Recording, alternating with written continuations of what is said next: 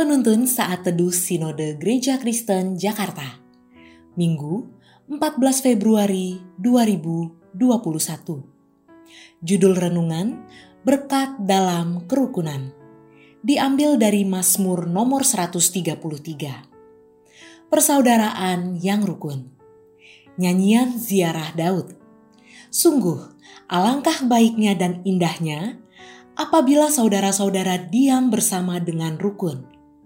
Seperti minyak yang baik di atas kepala, meleleh ke janggut, yang meleleh ke janggut Harun, dan ke leher jubahnya. Seperti embun gunung Hermon yang turun ke atas gunung-gunung Sion.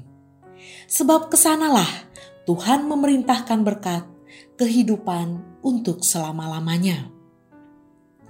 Ketika perayaan tahun baru Imlek tiba, anak-anak biasanya pasti merasa sangat senang. Kenapa? Sebab mereka akan mendapatkan angpau. Mereka tidak peduli besar nominal dari isi angpau itu. Yang penting adalah dapat angpau.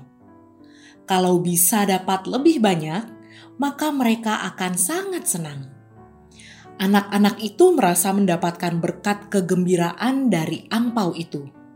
Pertanyaannya, siapa yang tidak gembira mendapat berkat? Saya pikir kita semua senang mendapatkan berkat dalam hidup kita. Mazmur 133 berbicara tentang berkat. Ayat 3b mengatakan bahwa Tuhan memerintahkan berkat-berkatnya agar dicurahkan. Berkat apakah itu? Tentu saja bukan hanya berkat jasmani, tetapi jauh lebih penting adalah berkat kebahagiaan, sukacita, dan damai sejahtera dalam tiap komunitas, termasuk dalam keluarga. Keluarga yang indah dan baik adalah keluarga seperti itu. Pemasmur menggambarkan seperti minyak yang harum dan embun yang menyejukkan. Kerinduan terbesar tiap keluarga bukanlah soal berapa banyak kekayaan yang diperoleh.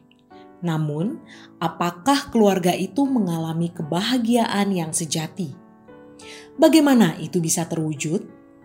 Yaitu jika dalam keluarga ada kerukunan. Di dalam keluarga yang rukun terdapat kebahagiaan, sukacita, dan damai sejahtera. Bagaimana kerukunan dapat terwujud? Hanya terjadi ketika Kristus berdiam dan berkuasa dalam tiap-tiap keluarga. Apakah di dalam keluarga kita ada kerukunan, atau yang terjadi pertengkaran, konflik, dan dendam? Bagaimana keluarga demikian dapat hidup? Pasti tidak ada kebahagiaan, damai, dan sukacita. Jika itu terjadi dalam keluarga kita, segera undang Kristus dalam keluarga kita. Hiduplah dalam keluarga yang menerapkan nilai-nilai kerajaan Kristus.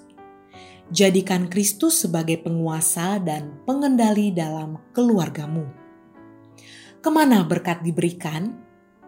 Kepada keluarga yang rukun, sebab Kristus memerintah di sana.